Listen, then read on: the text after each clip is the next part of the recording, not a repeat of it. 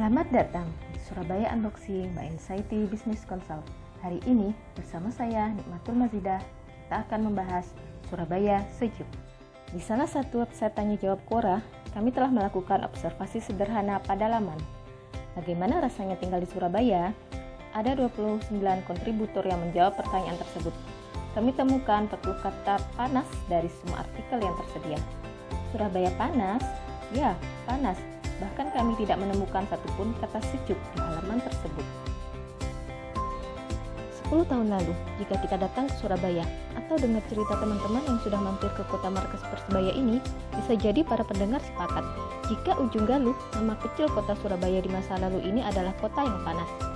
Yap, karena suhu kisaran di Surabaya ini 25 sampai 35 derajat Celcius. Salah satu penyebabnya adalah kendaraan bermotor yang menjadi kontributor besar polusi di kota pahlawan. Saat ini, pembatasan penggunaan kendaraan bermotor pribadi belum bisa dilakukan. Untuk mengatasi hal ini, secara teknis, dengan adanya ruang terbuka hijau bisa menjadi solusi yang membuat suhu Surabaya bisa turun hingga 22 sampai 33 derajat Celcius. Dalam konteks suhu udara, turun 2 sampai 3 derajat Celcius adalah angka fantastis.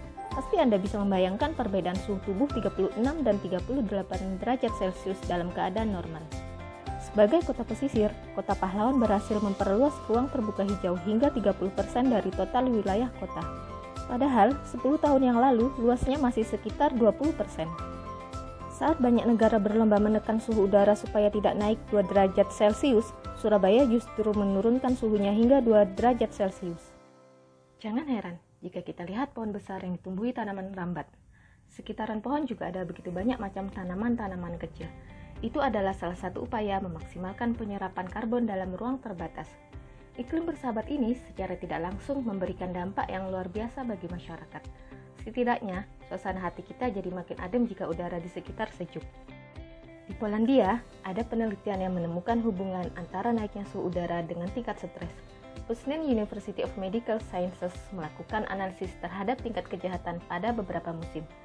Mereka menemukan tingkat kejahatan saat musim panas lebih tinggi jika dibandingkan musim dingin.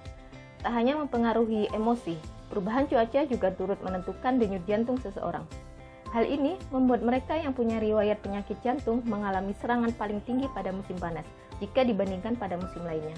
Bukankah kita akan menjadi lebih mudah emosi ketika cuaca sedang panas-panasnya? Dampak buruk peningkatan suhu udara kota pada aktivitas bisnis mungkin tidak secara langsung kita rasakan, kecuali sudah benar-benar terjadi kerusakan jalur kereta api atau pemadaman bergilir akibat konsumsi listrik berlebihan AC dari ribuan bangunan di kota ini, sehingga baru pula mengakibatkan terhentinya aktivitas produksi. Hari ini, ada 400 lebih taman yang tersebar di kota pahlawan. Ada lima taman asri yang cocok untuk dijadikan tempat hangout atau rekreasi. Antaranya, Taman Skate, Taman Flora, Taman Bungkul, Taman Surya, dan Taman Wonorejo. Bahkan ada taman dibangun di atas lahan bekas tempat pengolahan sampah. Menarik bukan? Jadi, kapan para pendengar mau berkunjung ke Surabaya?